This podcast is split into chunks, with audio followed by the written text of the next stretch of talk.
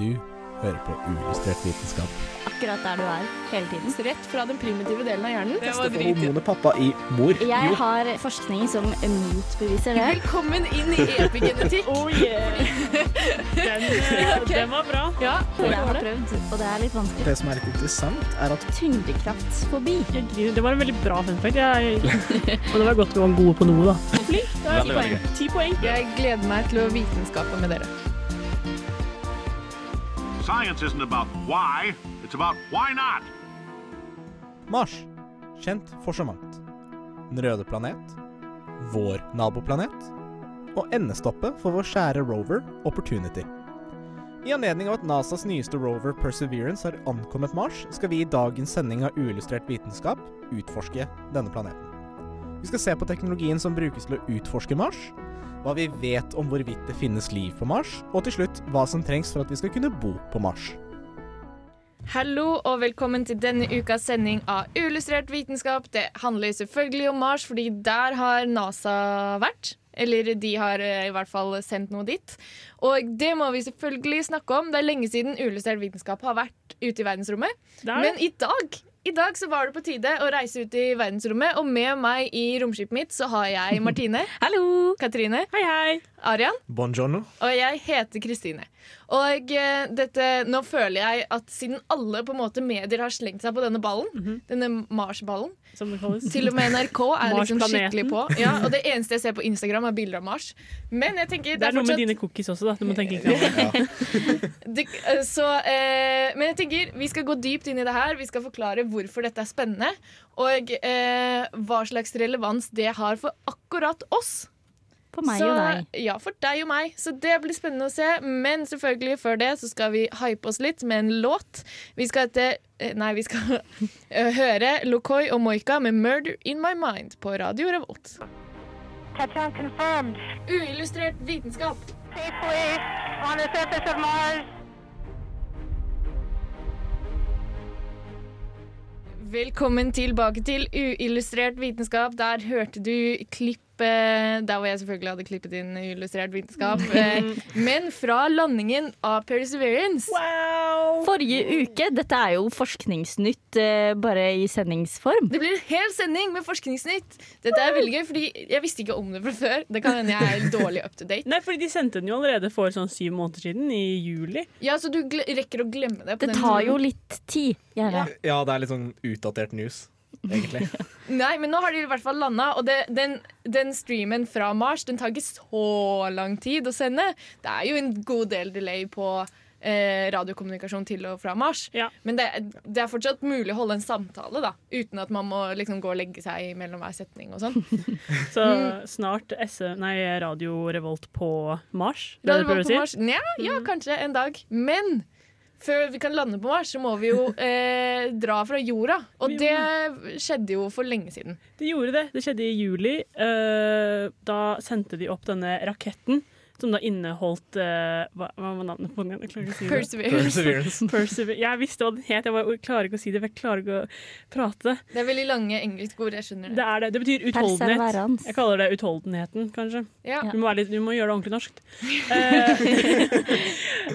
Eh, som da selvfølgelig ble sendt opp i en rakett. eh, som på en måte Det har vi jo gjort før. Sendt opp ting til verdensrommet før. Det gjør Og vi til Mars. Det gjør vi. Og det er rocket science. eh, det er på en måte ikke noe ny teknologi akkurat innenfor det feltet. Da, å på en måte få sendt den opp. Men den måtte jo bli sendt til Mars. Og det, Mars er jo en relativt stor planet.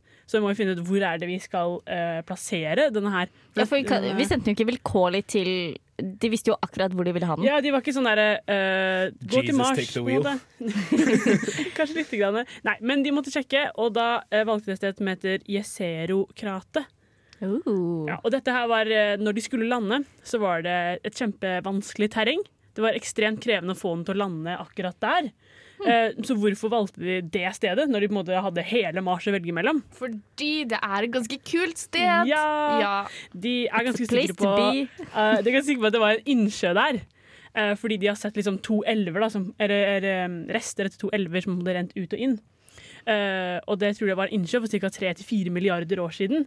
Eh, og som dere kanskje husker, da Nei, dere levde kanskje ikke for 34 milliarder år siden, men da, det var ca. da liv oppsto på vår planet. Ja. Så det kan at det er noe sånn connection der, da. Så de tenkte liksom det her må være det beste stedet å lande. Ja, og det som er litt morsomt med Mars geografien, Ja. geologien, Geografien. det er jo det at når du ser på sånne landskapsbilder, så er det så obvious liksom, at det ser ut som det har vært elver. Akkurat sånn som det ser ut på jorda, liksom. Bare du tar bort alt vannet. Så det er liksom Det er en slutning og, som det er lett å trekke, da. At her var det elvedelta. Ja, og på en måte repetisjon eh, til geologi, eh, geografien i første klasse på videregående. Man ser dette som V-formede daler, fordi elver tar jo eroderer, eller på en måte sliper bort en sånn V inn i daler. Mm, ja, så det er sånn man på en måte kan se litt grann på hvordan det faktisk har vært der før. da. Mm, men for å lande på dette veldig vanskelige stedet, det hadde en løsning på. Det hadde de det, fordi ja, som sagt, det var vanskelig, så da måtte de eh, ta en flertrinnslanding. Wow, langt ord, ikke sant? så da, It's rocket science. It's rocket science guide. Eh, fordi Mars er såpass langt unna, som vi prata om, så er det litt vanskelig å skal, på en måte, kunne styre ting eh, herfra. Ja. Så den hele landingsprosessen det måtte programmeres inn allerede før den ble sendt opp, og den var liksom akkurat hvordan det skulle gjøres. Og det var i tre forskjellige trinn.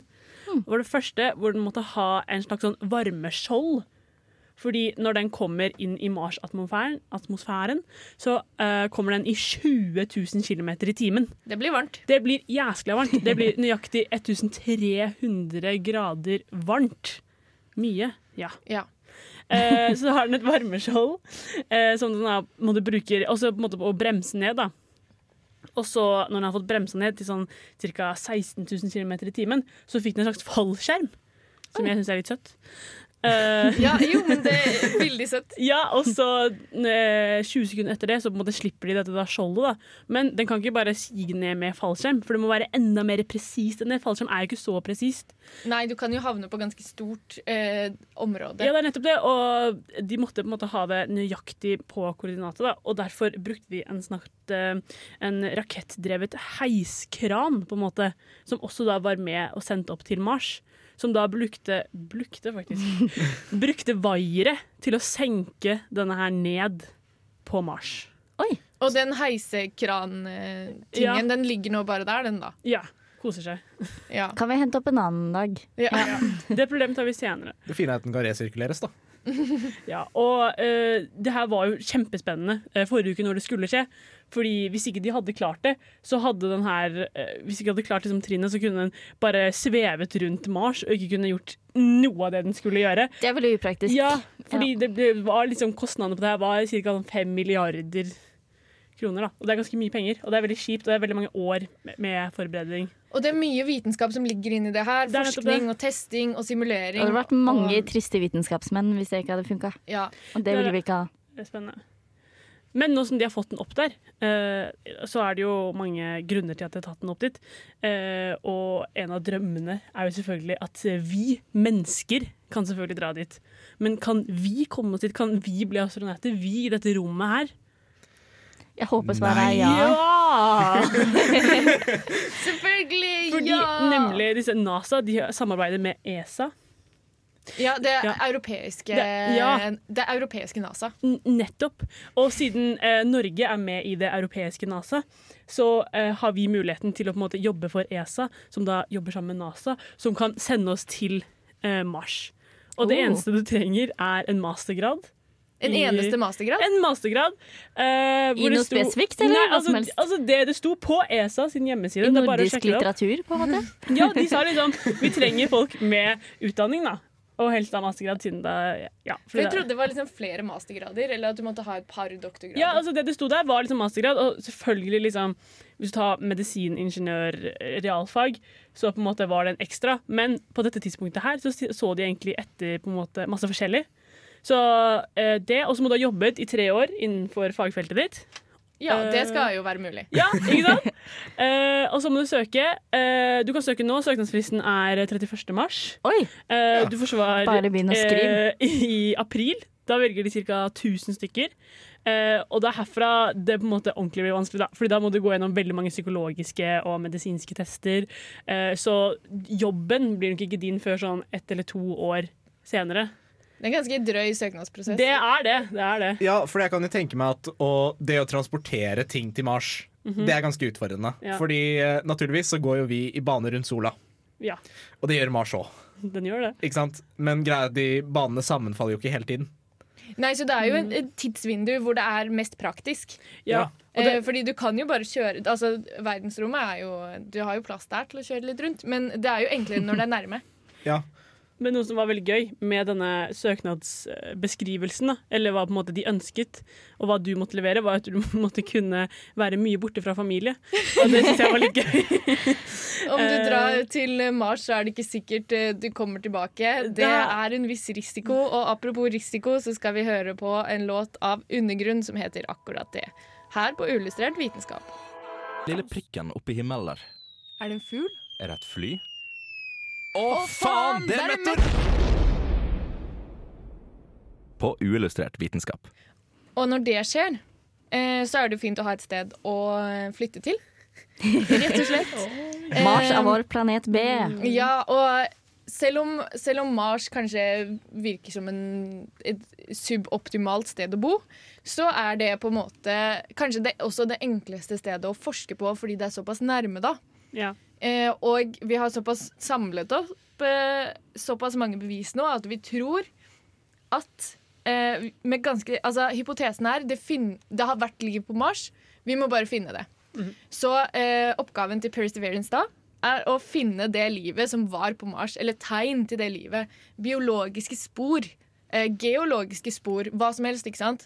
Fordi eh, vi vet at det var vann der. Ja, fordi det er, det er is der nå, eller vi vet det har vært is? Ja, det er is. Det er is under, eh, under eh, jordoverflata. Ja. Ok. Eh, så, um, og så er jo håpet at vi skal kunne bo på Mars. Ikke det fordi Mars er et kult sted, eller sånn. Jeg vil jo tro at disse NASA-folka syns at det. Eh, men eh, fordi for å lære oss hvordan vi bor på andre planeter, sånn at vi på et eller annet tidspunkt kan dra til andre planeter som er mye lenger unna, som du ikke kan kommunisere med. Eh, fordi Mars er det mulig å kommunisere med, men så fort du går ut et, av dette solsystemet, som du da sannsynligvis må hvis du skal bo på en annen planet, så må du så langt unna at liksom, telekommunikasjon blir ikke en ting, da. Nei. Eh, og jeg tenker sånn, vi har allerede kolonisert jorda. Hvorfor ikke gjøre det igjen? Hvorfor ikke gjøre det igjen? Ta neste jord. Eh, Ja. Og når vi har laget denne når, Ja, når vi sier menneskeheten Jeg Vi føler dette her, dette er her er Vi tar litt på oss ansvaret for, eh, for denne mm, oppskytinga. Jo, men jeg føler dette er en ting som man står sammen i, som på en måte eh, folk som er interessert, og folk som Ja, Menneskeheten. menneskeheten. Rett og slett. Dette er viktig for menneskeheten. Det, det må jeg påstå. Det er jo sant. Ja. Eh, men eh, det er lært mye av de andre roverne. De har jo hatt god suksess. Det må jeg bare spoile. Vi skal snakke litt mer om roverne de. Ja, Ja. de, de fleste av de. Så de, der hvor det har gått bra, det har vi lært av.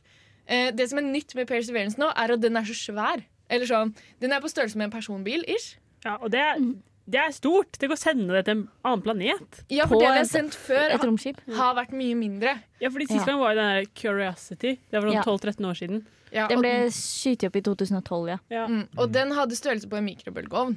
Så det er jo en ganske stor størrelsesorden her.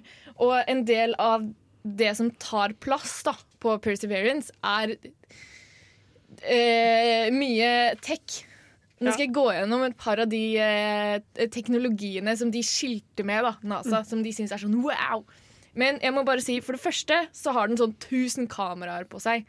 Og mye har skjedd siden Curiosity i kamerateknologi. Det er mye bedre pixel nå. Ja, eh, så vi har eh, mye Altså det Vi får gode bilder tilbake. Og den har en mikrofon. Så jeg skal spille en lyd fra Mars Nei! for dere her. Hør nå. Den var litt lav. Ja. Vent, vent, vent. vent. Jeg tror jeg glemte å skru på mikrofonen. Se nå. Se nå. Der.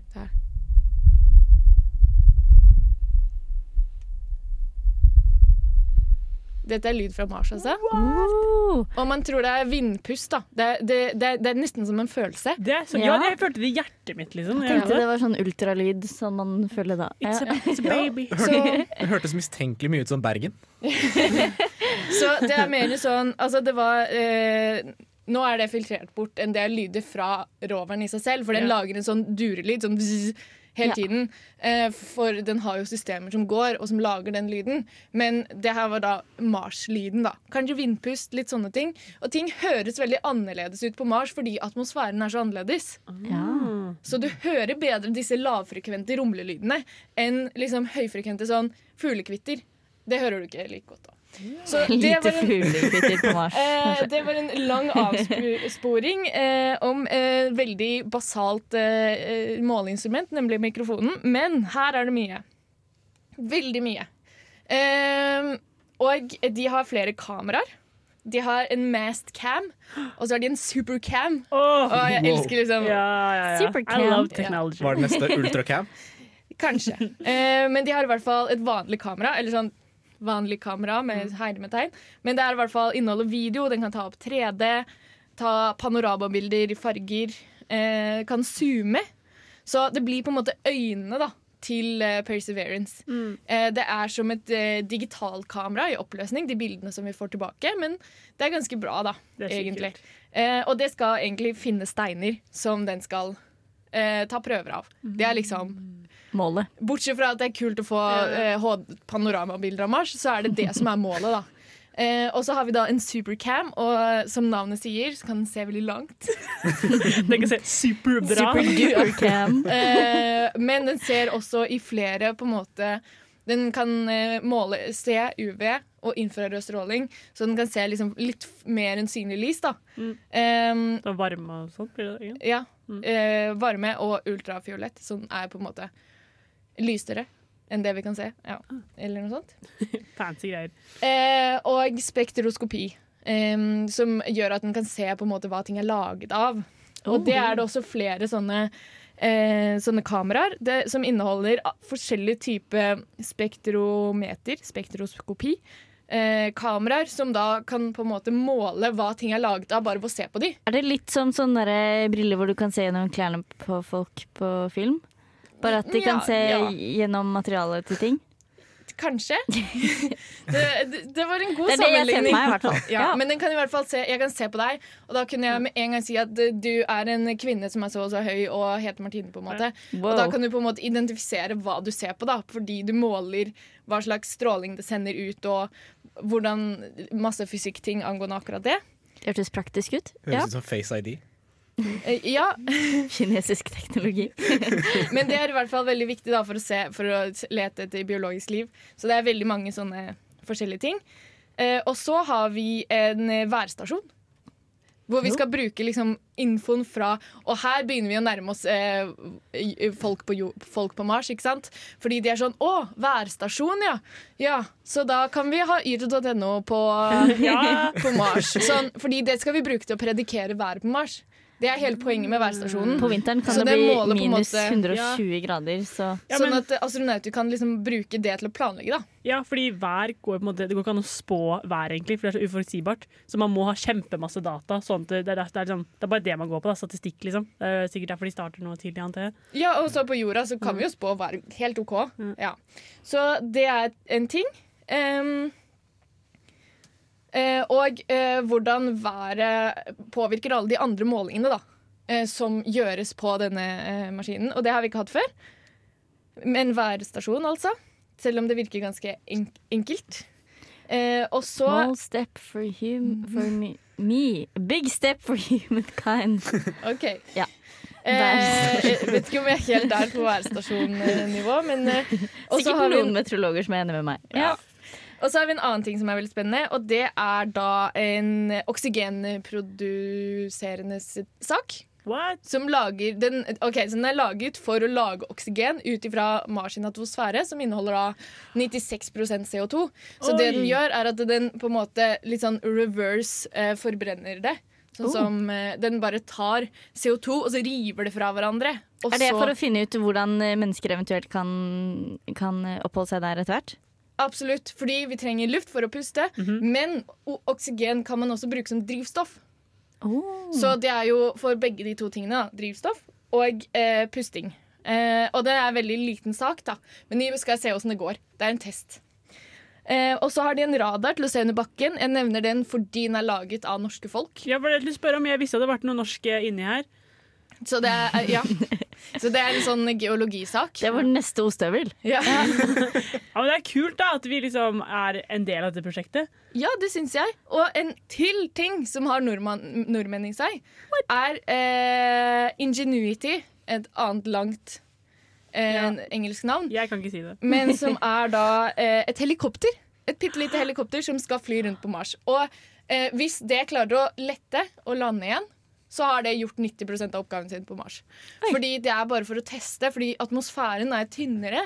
Så det Ja. er litt andre aerodynamikkforhold da, eh, for helikopteret til å fly. Så derfor så skal det altså eh, fly litt rundt, da. For å kartlegge, og for å se om vi får til det den dagen vi skal på Mars. Og Kjøre helikopter på Mars. Og kjøre helikopter. Men, ja. men hva er det de tenker kommer til å skje hvis den ikke klarer å fly opp og lande igjen? Er det bare sånn den bare kommer til å fly, og så bare fortsetter den å gå opp og opp og opp, og så bare forsvinner den ut? Nei, jeg vet ikke helt om de, de er redd for at den skal krasje eller et eller annet. Det er jo, altså Den skal kunne fly på egen hånd, ta av og lande, og 90% sannsynlighet så går det, og da kommer alle til å juble og si sånn 'Vi klarte å fly nå på Mars!' Ja. Vi skal gå videre til roverne, de som har vært der før. Men før det så skal vi høre 'Falling Apart' av Young Franco her på Ullustrert vitenskap på Radio Revolt.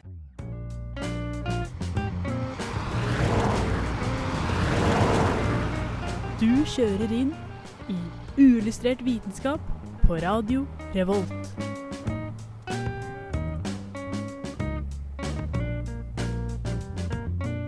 Velkommen tilbake til Uillustrert vitenskap. Vi er på Mars i dag.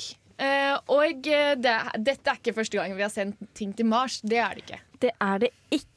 Eh, altså, vi begynte jo på 60-tallet å sende opp dit, men disse roverne, som da er eh, disse sekshjulede robotene, eh, de fikk vi offisielt et på en måte, program for i 2003, hvor de var sånn Nå skal vi finne ut mer om denne planeten, fordi det er kjempespennende. Så da lagde de Mars Exploration Rover eh, som et eh, sånn program, da. Eh, hvor de starta eh, med Spirit og Opportunity, som ble sendt opp i 2003. Ja. To stykker? To stykk eh, med litt grann mellomrom. mellomrom. hvor da ja. formålet var å undersøke overflaten og geologien på Mars. Og Opportunity har jo holdt seg ganske lenge. Opportunity var der helt fram til 2018. Oi! Ja, hvor han var sånn Nå dør jeg. Ja, da ble den litt sliten. Det kom, jeg tror det var en eh, sandstorm, faktisk, som, eh, som satte den litt ut av spill der. Ja. om Den andre klarte ikke uh, uh, Spirit var der noe litt kortere. Det har vært litt uh, ulikt hvor lenge de har holdt ut. Eller ikke hvor lenge de har holdt ut, men hvor lenge de har klart å kommunisere med jorda. Det er det som er Ja, det viktige for oss. Hvis ikke har du ikke noen funksjon. Hvis at vi ikke klarer å kommunisere med dem. Nei, Den kan jo holde seg veldig lenge, sånn alle de andre delene, men hvis radaren seg ut, eller den eh, senderen og mottakeren, så Ja. blir det jo bare dødt. Da er det bare skrap, på en måte. Em, og det som er veldig gøy, er at Spirit og Opportunity de var laget med litt metall fra World Trade Center. Som en litt sånn symbolsk greie, siden dette ble vedtatt i De ble sendt opp i 2003, bare to år etter eh, 9-11. Ja.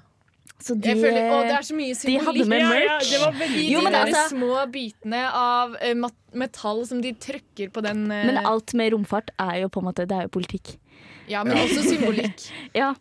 Um, så ja, vi har jo da uh, sendt opp flere rowere, men de vi har som er aktive nå, er jo da Perseverance. Per, Ja. Ja. Eh, som, bra. jeg, måtte bare se på Kristine nå for å få godkjennelse.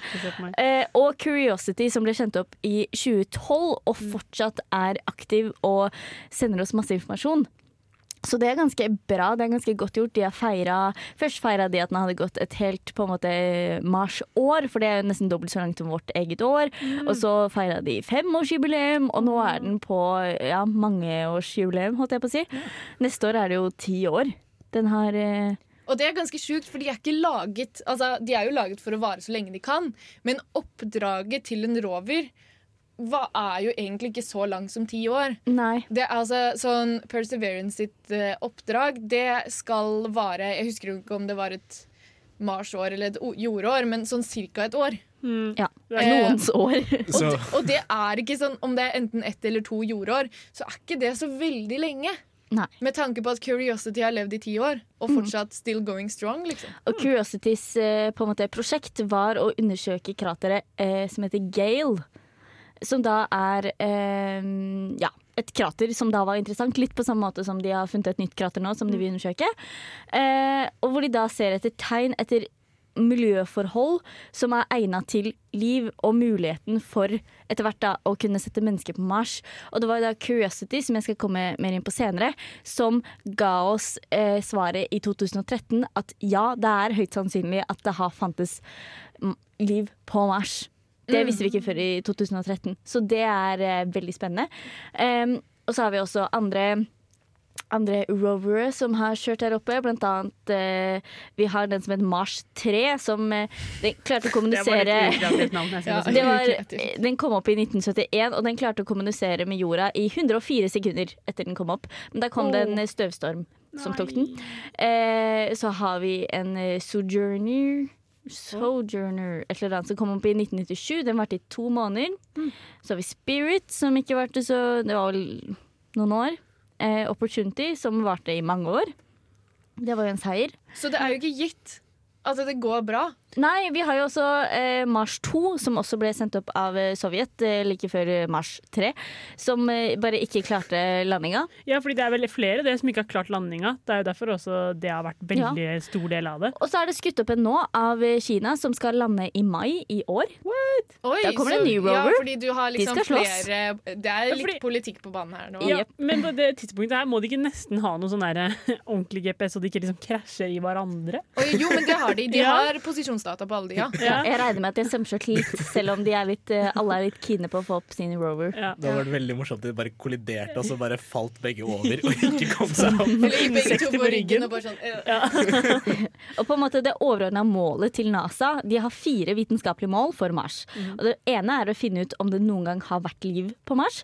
Det andre er å karakterisere klimaet på Mars. Og så er det å karakterisere geologien på Mars. Og til slutt forbedre menneskelig utforskning av Mars. Altså mennesker på Mars. Så det er deres overordnede mål. Alle sammen? Ja. Wow. Det er litt sånn langsiktig, da. Men man har jo funnet ut ganske mye gjennom disse roverne. Blant annet har man funnet ut hva slags grunnstoffer som fins ved at det sendes prøver ned til jorda. Og hvor man blant annet har funnet karbon. Man har funnet ut uh, at uh, det er eh, veldig sterk stråling der som gjør det vanskelig for astronauter å skulle oppholde seg på Mars. Og det er jo en av de problemene de prøver å finne ut av.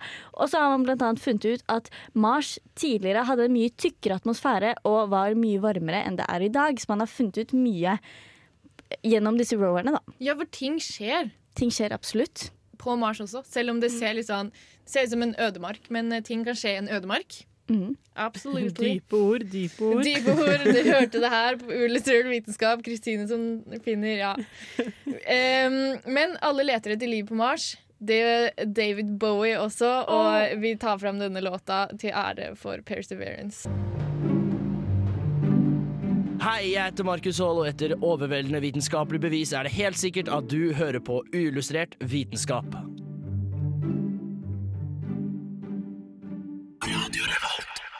Velkommen tilbake til Illustrert vitenskap. Det er helt sikkert at vi er her i dag. Og, eh, men det som ikke er helt sikkert, er om det faktisk er liv på Mars, eller om vi bare leter og leter og leter og leter og aldri kommer til å finne noe. Aldri kommer til døra. Vel, det er tre ting som man hovedsakelig ser etter når man ser etter liv, ut ifra hva man vet liv krever her på vår planet. Og da er det eh, vann, karbon og energi. Fordi alt liv vi kjenner til, er laget av karbon. Alt liv vi kjenner til, er avhengig av vann. Og alt liv vi kjenner til, henter direkte eller indirekte energi fra sola. Så det er disse tre kriteriene vi ser etter. Og i vårt solsystem så er det da eh, Mars, og så er det eh, en av Jupiters måner som heter Europa. Ja. Og så er det en av Saturns måner som heter Titan. Som eh, er på en måte eh, Har disse kriteriene oppfylt, da. Ja, de inneholder både, Både sollys, eh, karbon Karbon og vann. energi. Ja.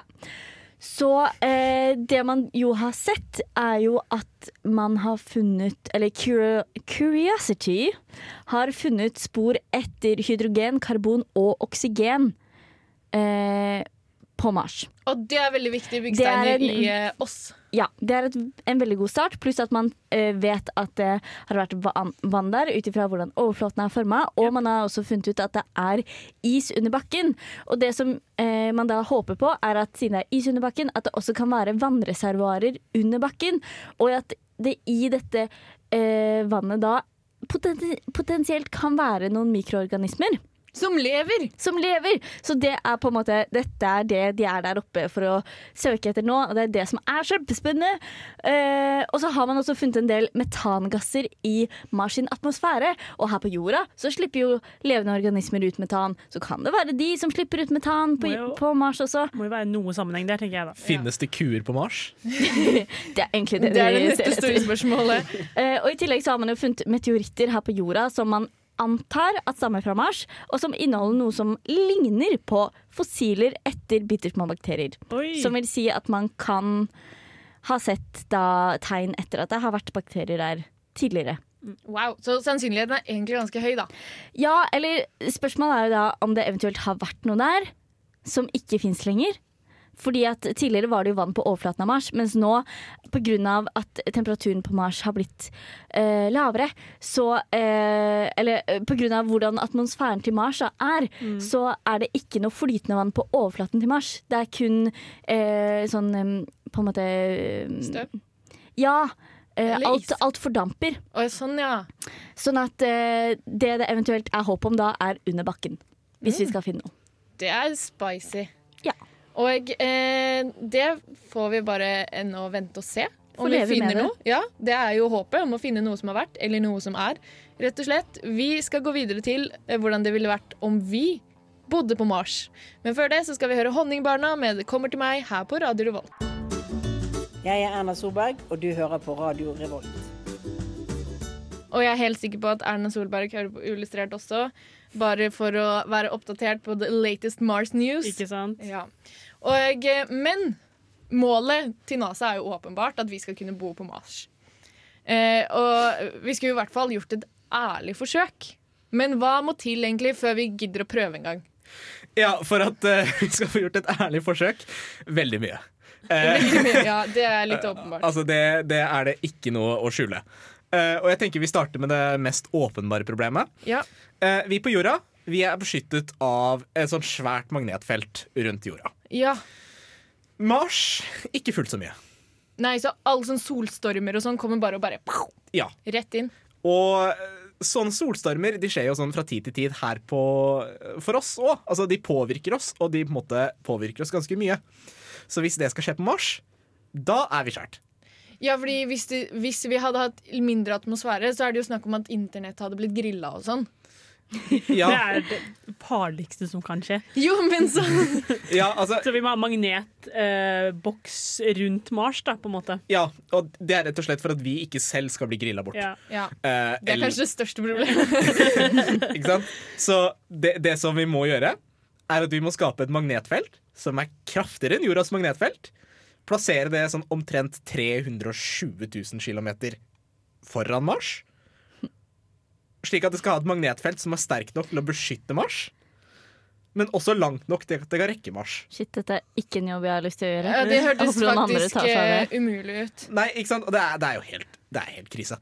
Altså, det er jo liksom hva, hva, hva tenker dere skal gå til? Fordi altså, jordas magnetfelt her på overflaten, det er sånn veldig lite. En kjøleskapsmagnet har et sterkere magnetfelt her på jordas overflate. Ok, ja, men såpass, ikke ja. ute i verdensrommet. Nei, men jordas magnetfelt er jo veldig mye større, fordi det, det, det sprer seg så langt. Ja. Og det er akkurat det man trenger. Det må spre seg de 320 000 km, og så må det omfavne Mars. ja, Men har de løsninger for det, liksom? Det har de. Herregud. Eh, eller ikke helt, da, men eh, NASA tror det er mulig. Eh, I 2015 så la de fram et forslag på at dette kan gå. Ja, det er Veldig ikke mye innsats skal til, men det kan gå. Alternativet er jo at man kan skape et magnetfelt i Mars lokalt. Ja, Sånn at det bare beskytter de som er der Ja. nede, på en Ja. måte, på overflaten. Fordi planeter de roterer. Ja. Eh, dette er ikke fake news. Eh, Og det som er greia, er at eh, hvis du, rent hypotetisk, slipper det en veldig, veldig veldig stor atombombe inn i kjernen av Mars, så kan du få ting til å smelte. Og de tingene du kan få uh, smelta, det er metaller. Altså, du kan lage det med en atombombe i kjernen. Det hørtes litt drastisk ut. Ja. Hørtes ut som en film jeg har lyst til å se. Men hvis vi går over til de tingene som eh, ikke handler om magnetfelt ja da Det er kan, flere åpenbare problemer her. Ja, det er det. Eh, vi kan bevege oss litt nærmere overflaten, men vi går til atmosfæren. Atmosfæren i Mars er så lavt at spyttet i munnen din kommer til å koke. Ja, det var Ei. det Martine snakka om. det Ja, Alt try fordamper. Trykke, liksom. Ja, eh, og greia er at eh, atmosfæren i Mars er en sjettedel så sterk som minstegrensa for at det skjer. Ja, så det skal ganske mye til. Det skal, du skal eh, sette ganske mye trykk på ting Ja. for at det skal kunne være levebart for oss. Men Ja. hvordan kan det fikses? Jo, Oh. vi kan få mer ting inn i atmosfæren. Altså, ikke sant? Fordi trykk det bestemmes jo rett og slett av bare hvor mange partikler det er, men okay. også temperatur. Så Ja. det første steget få opp et magnetfelt så det ikke blir uh, revet bort sekundet du bygger det. Uh, det andre steget få noe av uh, polisen til å smelte, og slipp løs masse karbondioksid inn i atmosfæren. Fordi hvis For det, CO2 det har de nok av på Mars, så det er det jo bare å Ja. blaste. På, ja. Ja. ikke sant? Og hvis det er én ting vi mennesker er gode på, så er det global oppvarming. ja, faktisk. Her kan vi bidra med noe. Rent teknisk, ikke noe problem. Men greia er Vi må få det atmosfæriske trykket til å bli en femtedel av hva det er på jordas overflate for at vi ikke skal dø på sekundet. Ja. Så det må ganske mye til, da. Det er en lang prosess. Det skal ganske mye til, og det skal ganske lang tid til. Ja. Eh, fordi vi må først bygge opp det magnetfeltet, og så må vi få det til å skje. Men det er fortsatt toksisk. Ikke sant? Eh, i- På jordas overflate så er eh, konsentrasjonen av karbondioksid 0,4% På Mars er den 96. ja, ikke sant. Og da vil du gå til sånn CO2-koma med en gang. Ja, du bare går ut og bare Så er du ute. Ja, så oksygen er jo et, også et åpenbart problem, men også kanskje ikke nødvendigvis Altså at det er for mye CO2 og for lite nitrogen.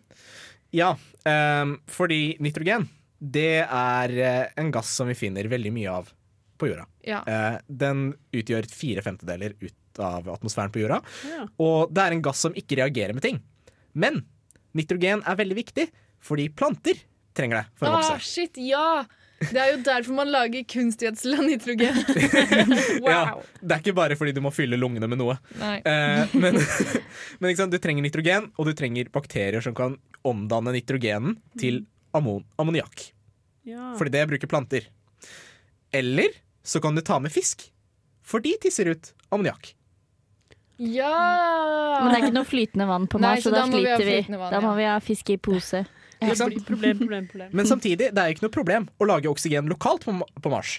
Fordi hvis du bare tilfører litt strøm gjennom vann, så kan du teknisk sett danne oksygengass og hydrogengass. Men også den CO2-maskinen til Perseverance. Perseverance. Så i utgangspunktet er ikke det sånn kjempestort problem. Problemet er altså all den infrastrukturen vi trenger rundt.